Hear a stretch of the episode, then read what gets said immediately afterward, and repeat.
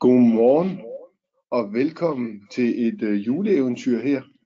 Det er Hortens månedens udbudskendelser, og øh, det er julestudiet.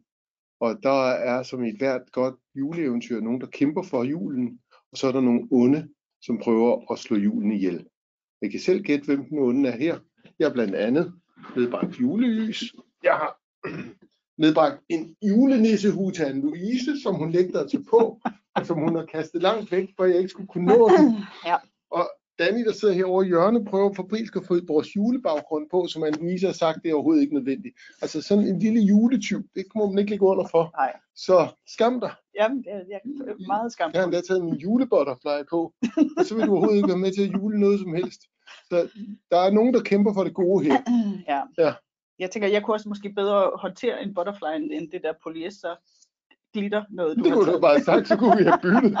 Det er overhovedet det ikke kan vi så afgørende. nå til næste gang, kan vi berolige alle med. Ja, men øhm, lige om lidt, der er Danny klar med vores julebaggrund, fordi jeg har insisteret på, at vi skulle have julebaggrund på, selvom man Louise har obstrueret alting, som i alting. Nå, men øh, vi skal også tale en lille smule om nogle, øh, nogle kendelser. Ja, det var da lidt en cliffhanger. Hvordan ender det her nogensinde godt? Og skal, skal man vente indtil den 23. eller 24. Nu har jeg for jo at finde ud af, om at der det... faktisk er annonceret, at vi også kommer til at holde en månedens kendelse den 22. Ja.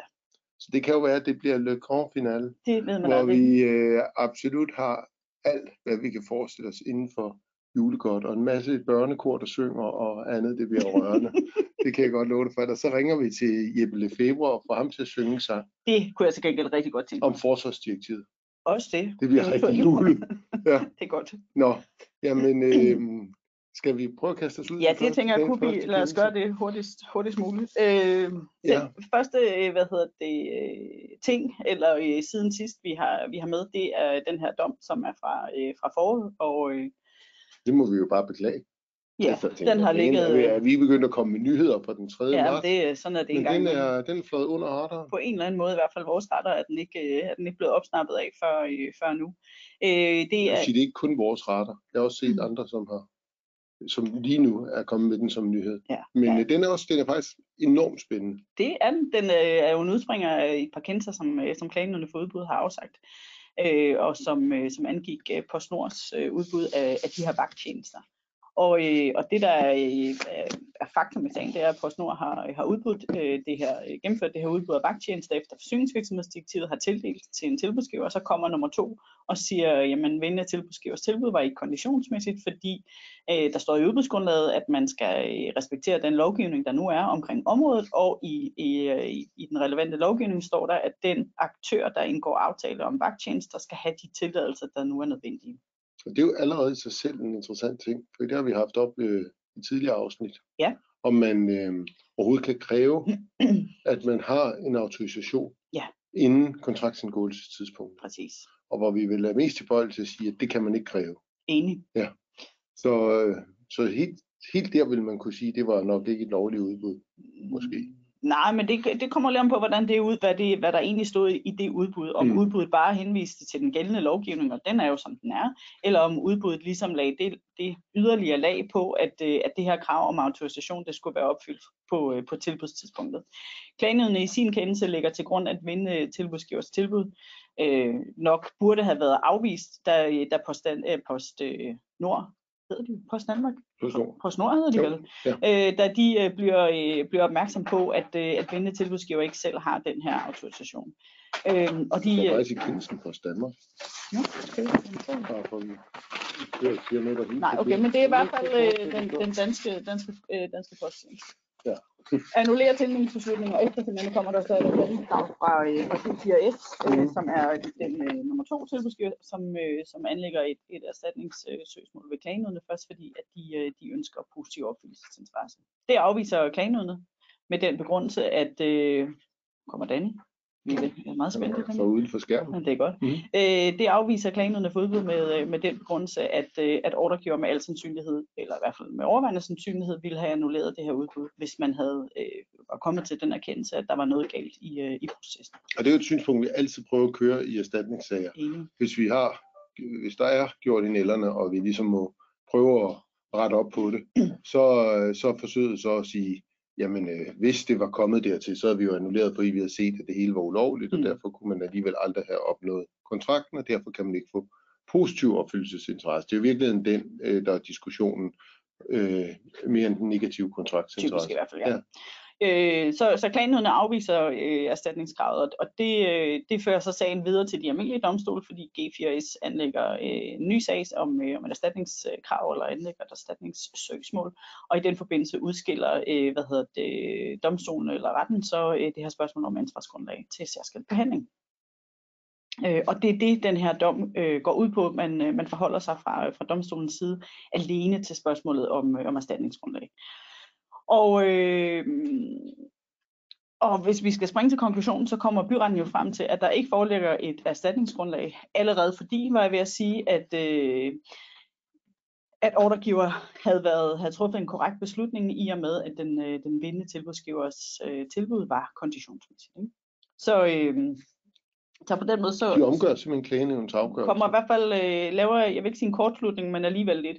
Og det, der bliver udslagsgivende for byretten, det er, at den her, det her lovgrundlag omkring udførelse af vagttjenester, der står, at man må ikke udføre, eller man må ikke indgå aftale. Jeg tror, den der udfører og den der indgår aftale om de her vagttjenester, skal have de her autorisationer. Og det læser byretten ligesom sådan, at, at det, det, der, der er et, et, et, et stadfæstning i tid, der hedder indgåelse af aftale, ikke afgivelse af tilbud. Og det er kombineret med, at udbudsgrundlaget i offentlig byrettens fortolkning ikke kan læses sådan, at man havde fremrykket tidspunktet for, hvornår man skulle have autorisationerne.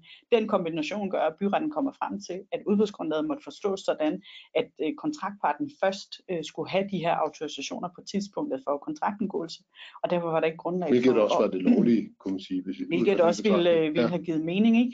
Øhm, og derfor var der ikke grundlag for at... Øh, og, øh, og finde, at udbudsreglerne var overtrådt, og allerede derfor er der ikke, er der ikke, foreligger der ikke et erstatningsgrundlag. Øh, eller undskyld, ansvarsgrundlag. Ikke? Jeg fik lyst til, da jeg sad og læste den, og, øh, og prøve at gennemgå de seneste par års byrådsafgørelser, for jeg har en fornemmelse af, at ret mange af dem i virkeligheden, altså byrådsafgørelser, vedrørende klagenævnsafgørelser, mm-hmm. de bliver efterprøvet. Jeg har, jeg har et indtryk af, at ret mange af dem faktisk ændrer på klagenævnsafgørelser. Og det, øh, det, det er bare en spændende betragtning. Ja. Også fordi man nogle gange sidder med overvejelsen, selv hvis man repræsenterer virksomheder, øh, nu er det her ikke repræsentativt for den betragtning, men, men, men hvor, man, hvor man sidder med mm. overvejelsen om, øh, man i virkeligheden bare burde starte sagerne i byretten, hvor man så også kunne få vidneafhøring mm. og den fulde bevisføring og, og så videre. Så øhm, det er jo det lidt, lidt det, det er jeg enig i, men mm. for det første så vil det kræve, at vi venter til udløb af standstill med at anlægge sagen. Det er det ene, og det andet er jo, det, det trods alt tager lidt kortere tid hos klagenøderne for udbud. Måske ikke så meget kortere tid efterhånden, men, øh, men i udgangspunktet lidt, lidt kortere ja, tid. Det vil jo være en overvejelse i hvert fald, man skulle tage med. Det er jeg enig med dig i, og det, hvis man er meget travlt. Ja. Så, øh, og, men, men der er bare rigtig mange sager, hvor man oplever, at man har brug for bevisførelse, mm. og det er lidt dybere spadestik, som man har mulighed for at gøre ved byretten, og det er måske lidt en trussel mod klagenævns, kunne blive det i hvert fald mod klagenævnssystemet, hvis der kommer for mange af den slags kendelser, hvor her, der, der omgår det jo helt grundlæggende, mm. hvad klagenævnet er kommet frem til. Og øh, godt nok kommer de frem til samme resultat, men det er jo, det er jo bare et tilfælde. Mm. Øh, præmisserne, de kommer frem til det på, er nogle fuldstændig radikalt andre øh, præmisser, end dem, der var oprindeligt lagt op til. Ja. Så øh, Nå, en, øh, en super spændende afgørelse, og den kan i hvert fald give anledning til nogle, nogle overvejelser. Sådan den, den, er, den, er, den er vanvittigt spændende, og som du selv siger, så taler den også ned i en, en række erkendelser, vi, vi har haft også på det her webinar, det, som, som går på det her med autorisationer øh, hvornår er det, de skal forelægge, og et andet tema, som også var, øh, var oppe i den her sag, det er, hvem er det, der skal have de autorisationer? Skal det være kontraktparten, eller er det OK, at det er en underleverandør? Den har vi også haft øh, blandt andet med en, en afgørelse fra KOFA, som jeg husker det, hvor, hvor det også det, det kræver ligesom, at, at øh, ordregiver i udbudsgrundlaget er meget, øh, meget tydelig omkring, hvem er det, der skal have de her autorisationer? Er den udførende, eller er det kontraktparten? Eventuelt begge, og på hvilket tidspunkt skal, skal det foreligge. Ikke? Fordi ellers så, øh, så, så risikerer man at stå i de her situationer, hvor det kan være et spørgsmål om, om tilbudets konditionsmæssighed. Mm. Godt. Det var det, der var om den kendelse, det tænker jeg. Men, øhm, eller dom var det jo. Så skifter vi til, den, øh, til de næste to. Ja. Og den første om helikopterservice yes. øh, i forbindelse med servicering af vindmøller. Mm. Og øh, ja, Den er, jeg oplever, at det er en meget konkret kendelse. Vi ja, det, det må man sige. Den går på ordregivers evalueringsskøn. Det er øh, Ørsted i det her tilfælde, der havde lavet et udbud med, med forhandling, som jeg husker det, øh, efter forsyningsvirksomhedsdirektivet. og øh, det er på, øh, på forskellige helikopterservice. Øh, Ørsted bruger en eksisterende kvalifikationsordning til at prækvalificere. Øh, og så... Øh, og så hvad hedder det, gennemfører man så et, et udbud med forhandling øh, i, øh, inden for rammerne af, af, af den kvalifikationsordning. Øhm, og klager her får ikke kontrakten, øh, sjovt nok, og, øh, og klager så til klagenødene på udbud, og det klagen går på, det er dels, at ordregiver har øh, taget forhold i betragtning i forbindelse med evalueringen, som, som en normal påpasselig tilbudsgiver ikke kunne udlede af udbudsgrundlaget. Og det andet øh, er sådan lidt en afart af samme, nemlig at ordregiver har overskrevet, overskrevet øh, de rammer, der gælder for ordregivers øh, evalueringsskøn. Og øh, det, øh, det vil de fleste nok, øh, hvis man har set øh, nogle af de her webinarer, vide, at det, øh, det kommer man, øh, kommer man øh, ikke ret langt med i, øh, i klagenævnens regi. Klagenævnet øh, gennemgår de her påstande en for en, og det er, som, som du sagde, Andreas, det er en meget konkret begrundelse, hvor klagenævnet selvfølgelig forholder sig til, hvad kunne, med, hvad kunne sådan meningsfuldt udledes af udbudsgrundlaget. Øh, og på den baggrund kommer, øh, kommer klagenødene frem til, at, øh, at klagen ikke har noget på sig.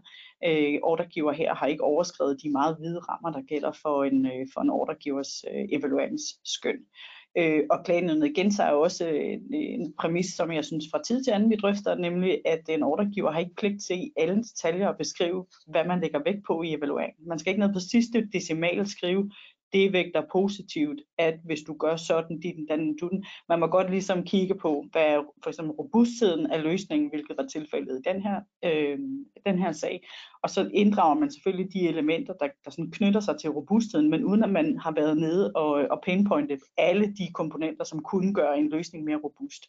Og det synes jeg jo giver, giver god mening.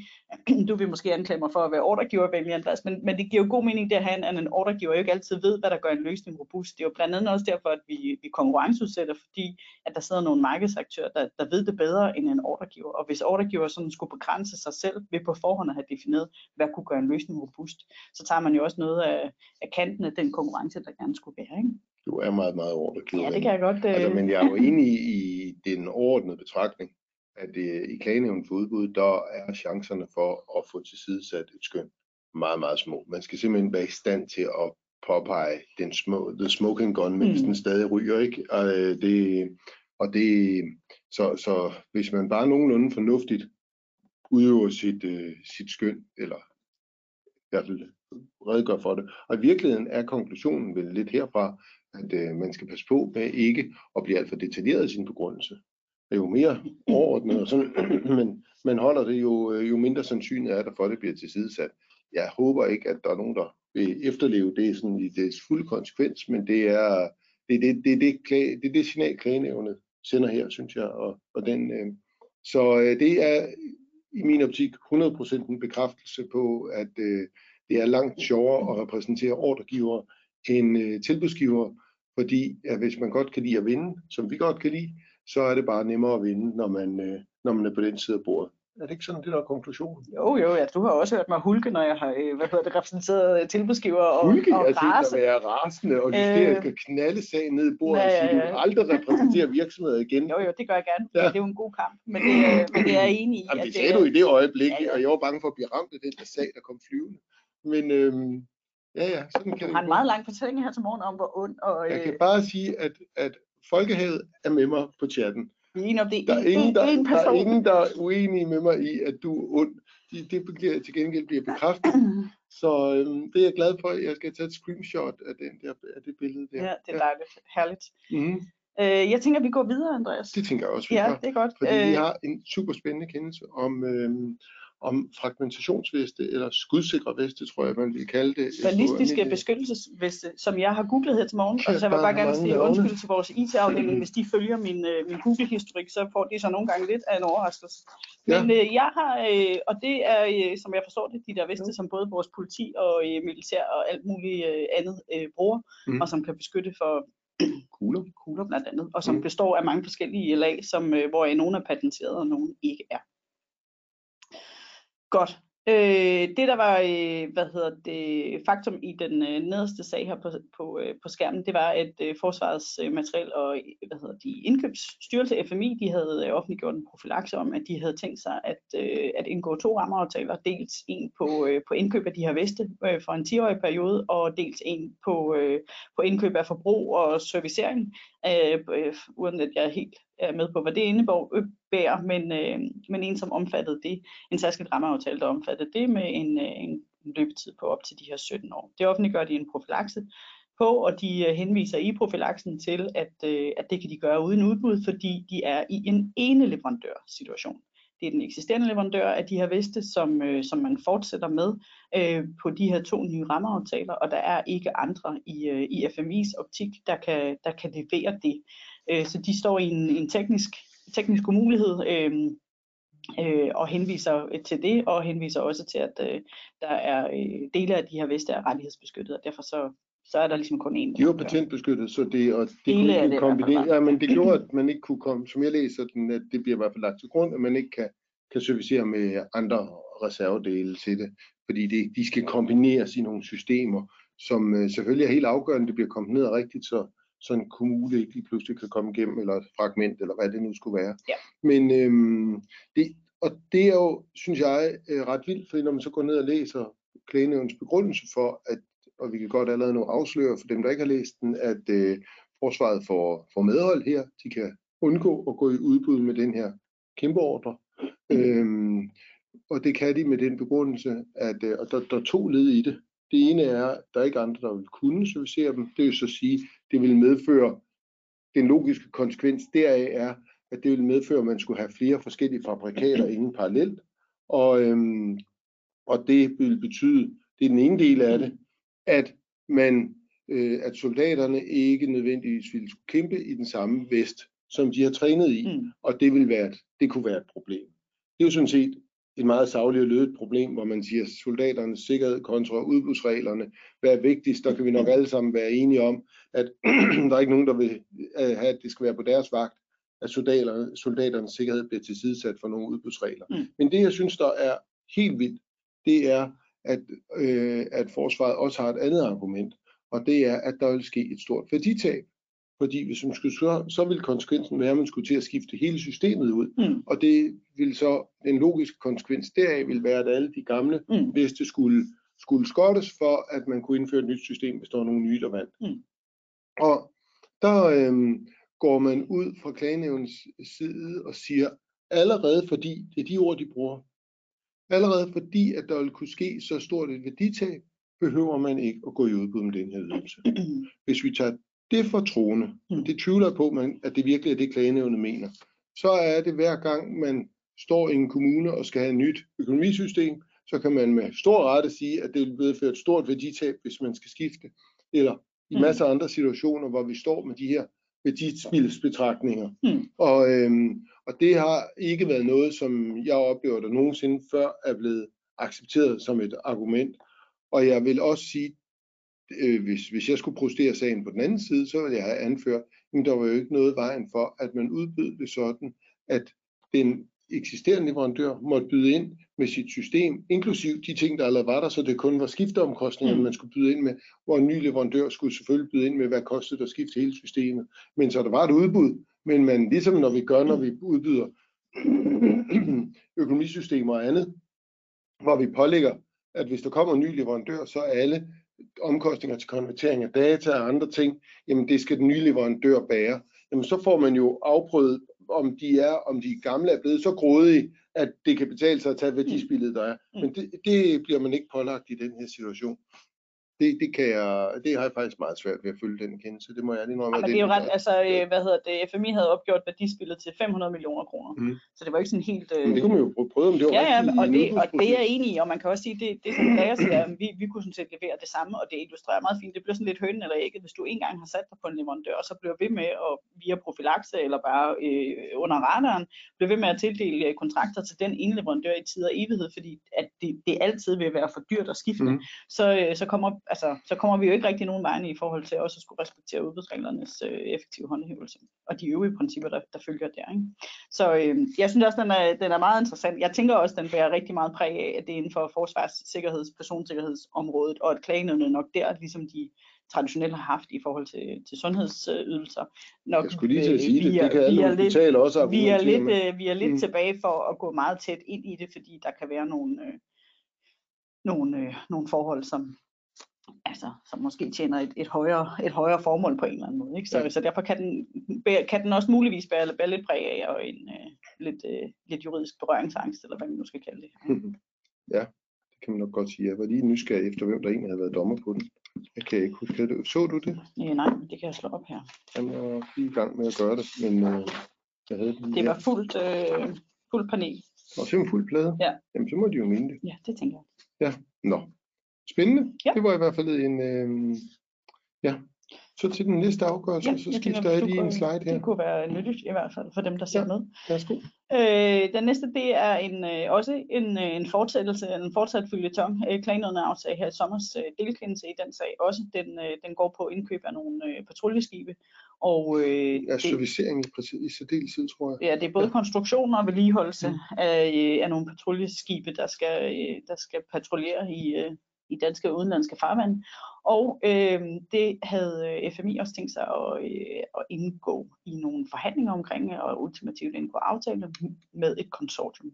Øh, det havde FMI offentliggjort en profilaksebekendtgørelse på, og havde henvist til den her bestemmelse i traktaten, traktatens hedder det, artikel øh, 346, som indebærer, at øh, så det er firkantet sagt, at udbudsreglerne viger, hvis der er... Alle EU-regler viger. Alle EU-regler Du kan bare købe dansk ind. Det ja. er en køb dansk klausul. Det er, kan man sige, øh, lige præcis en køb dansk klausul. Og det der er pointen, det er, at der er nogle mm. særlige sikkerheds- og øh, som gør, at vi er nødt til at fravige det almindelige udgangspunkt om, at vi må ikke være nationalitetsdiskriminerende. Så der, den klausul eller den artikel indebærer, eller blåstempler, at, øh, at hver medlemsstat kan, kan handle øh, inden for egen. Altså nogle vilde vinde, der blæser på de områder. Fordi det, øh, vil, jeg, jeg, altså min oplevelse er, at det vil vi overhovedet ikke se et forsøg på, hvis bare havde været for få år tilbage. Så ville vi have stolet på, at man også på tysk eller polsk eller altså et andet mm. EU-værft også godt kunne overholde sådan almindelige sikkerhedsbetingelser, kunne finde ud af at servicere et, øh, et krigsskib.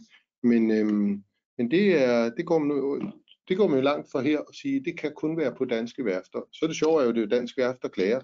Ja. Jeg ligger over i, i Odense. Men det er også ja. det, det, det, de klager over, kan man sige, ikke? Mm. og flere omgange øh, gør, gør gældende, fordi de beklagersposterne her er, at, øh, at når man nu bruger den der undtagelse, som er en køb dansk klausul, så, øh, så klinger det en lille smule hul, når man så ikke øh, hvad hedder det, har et dansk værft med i konsortiet, det vil sige Fayard eller klager. Mm. Øhm, og øh, og, og det, der, det, der ligesom bliver argumenteret med, det er, at, at det, må, øh, det må være en forudsætning for, at man kan øh, foretage indkøb øh, uden udbud i medfør af den her købdansk øh, bestemmelse, øh, at man, der, man så faktisk også bruger danske øh, virksomheder til at realisere kontrakten, ellers så, så står det ligesom ikke rigtig i mål med noget som helst. Øh, så det er sådan kernen i klagen, at de vil, de vil også være med, hvis jeg nu skal være lidt... Øh, det er ingen tvivl om, men, men ikke et dårligt argument, synes jeg, at hvis man virkelig mener det, så må man jo Præcis. Så må man også gøre det. Præcis. Ja. Og det, øh, det afviser klagenødet og siger, at sådan kan man ikke fortolke den der øh, hvad hedder det, bestemmelse i, øh, i traktaten. Hvis man i øvrigt øh, er enige om, og det var parterne, det ligger klagenødet i hvert fald til grunden, hvis man i øvrigt er enige om, at de, de betingelser, der, for, øh, hvad hedder det, der følger af, af den her artikel 346 er opfyldt, så er det det. Så ligger der ikke derudover en betingelse om, at man også i, øh, i, i den kontrakt, der indgås, øh, skal, skal ligesom øh, realisere det inden for, inden for medlemslandets grænser.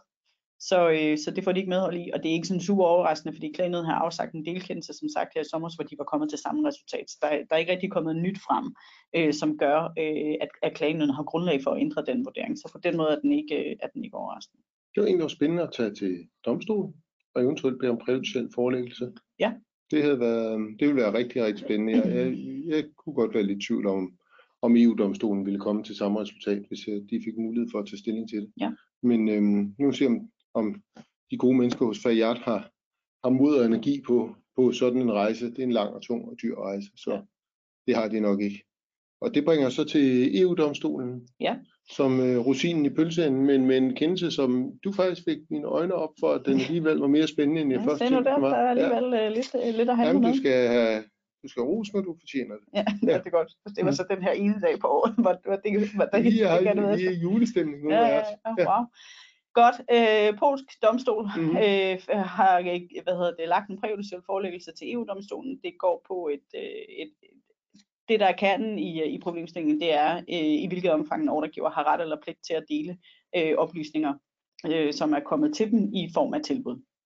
Øh, der er noget polsk øh, lovgivning, som jeg ikke øh, skal, skal trætte jer med, men som ligesom indebærer, at hvis en tilbudsgiver i sit, i sit tilbud har skrevet, at det her det er fortroligt, så vil, den, øh, så vil ordregiver i, øh, i vidt omfang respektere det sådan relativt blindt. Øh, så det er den ene del af, af klagen, så er der, eller en del af den præjudicielle forelæggelse, så er der noget omkring øh, konkurrencekriterier, og så er der det sidste, som går på, hvad, hvad er kravene ligesom til, at vi kan, vi kan håndhæve udbudsreglerne effektivt. Og i forhold til den første del omkring fortrolighed, der, der afsiger domstolen nogle sådan lidt mere øh, forblommet øh, udtalelser om, at øh, der er jo på, det ene side, på den ene side er et hensyn at tage til tilbudsgiverne, som ikke, øh, eller som skal have skal, skal kunne afgive deres tilbud i tillid til, at deres forretningshemmeligheder ikke bliver delt. På den anden side er der et hensyn at tage til, at den forbigået tilbudsgiver skal kunne øh, efterprøve en ordregivers beslutning. Og de to hensyn skal en ordregiver ligesom forene. Øh, så det, det gør os ikke sådan super meget klogere andet end at de regelsæt, vi i øvrigt har i Danmark, som jo hviler på fuldstændig de samme principper, nemlig at den enkelte ordregiver skal udøve et skøn, øh, hvor udgangspunktet er, at der skal gives fuld agtindsigt, men hvor der selvfølgelig kan være øh, nogle begrundede øh, forhold, blandt andet beskyttelse af forretningshemmeligheder, som gør, at man kan undlade at give aktindsigt. Og så har vi jo fået den her nye bestemmelse i, i udbudsloven også, Mm. øh, som jo også ligesom, øh, hvad hedder det, som nok i, ja, udtryk for det samme i virkeligheden, at, øh, at der skal være en, øh, en, en tungvejende interesse på den anden side i, at man kan, man kan udlevere oplysninger fra, fra tilbud. Så der tilfører dommen ikke sådan super meget nyt forhold til, øh, til det her med konkurrencekriterier, der, der tænker jeg sådan set heller ikke, at, at der er så meget. Der bliver spurgt specifikt til fra den foreliggende domstol, kan man, kan man have konkurrencekriterier, der går på udviklingskoncept og opgaveudførelse, altså forhold, der skal realiseres i kontrakten. Hvordan hænger sådan nogle konkurrencekriterier sammen med, at der jo også er et krav om, at en ordregiver på tildelingsstidspunktet skal kunne effektivt efterprøve oplysningerne i tilbuddet. Mm. Og der siger domstolen igen sådan lidt på, at øh, når man det, det tilkommer jo den foreliggende ret ligesom at efterprøve, om, om man kan opstille nogle, nogle beskrivelser eller nogle kriterier i udbudsgrundlaget, som gør, at man faktisk kan, kan efterprøve, om det øh, realiseres. Og det tænker jeg, det er jo logisk nok, det gør vi også. Selvfølgelig giver det mening, at vi ikke lader tilbudsgiverne konkurrere på varm luft, men at der faktisk er nogle, nogle konkrete tiltag, som vi så efterfølgende kan håndhæve kontraktuelt. Så, så det forestiller jeg mig også er relativt ukontroversielt. Så frem til det spændende. Så frem til det spændende, ja. som muligvis er det spændende, eller også bare mig, der øh, havde desperat brug for at læse noget i den her dom, som, øh, som kunne have et bredere perspektiv.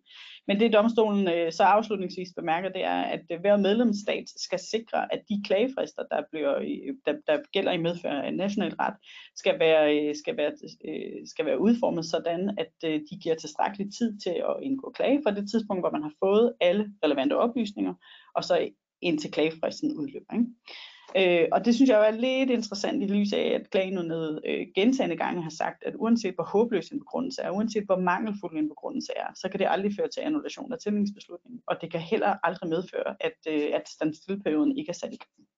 Øh, og det synes jeg jo et eller andet sted, øh, hvis vi nu skal være tilbage til, til at tage, tage klagehatten på, at, øh, at det er jo en ret svær position at stå i, hvis man begærer aktindsigt og får at vide, at, øh, at det får du sjovt nok dagen efter, at standstill udløber. Eller, altså, der, der, er er, jo der er sådan mange fast kutume kanaler. i rigtig mange sager, hvor man først får aktindsigt Ja. efter klagefristen er udløbet. Der tænker jeg, at den her kendelse, den skal påbruges næste gang, eller den her dom skal påbruges næste gang, sige, vi kan ikke have, at klagefristen starter.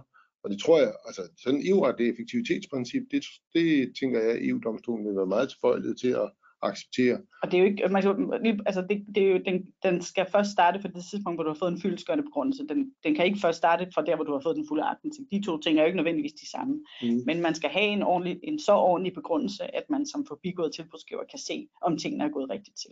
Og hvis der ikke er givet nogen begrundelse, eller givet en altså fuldstændig ul, øh, utilstrækkelig begrundelse, så synes jeg godt, man kan diskutere, er det så rimeligt at i gang sætte øh, både en standstill, men sådan set også en klagefrist. Ikke? Godt, det var dagens kendelser. Så vil jeg tage min nissehue tilbage til ungerne og sige tusind tak for lån, men Anne-Louise, hun synes ikke, den var lækker nok til, at den kunne være på hendes hoved. Den har ellers været på mange små fedtede børnehoveder. i Jamen, jeg er sikker på det. Jeg kan også mærke, at den, øh, Ja, den, stram, den, det stram, sidder, den det strammede ikke lidt. så godt nu. Ja, præcis. Jamen, øhm, tusind tak, fordi I kiggede med, og jer, der øh, tit fortæller mig om, at I hører og ser det, mens I kører bil. Så det her afsnit, der skal I så lade være med at kigge ned, når Louise hun er op donasi, fordi det, øh, så kører man bare galt. Tak for i dag.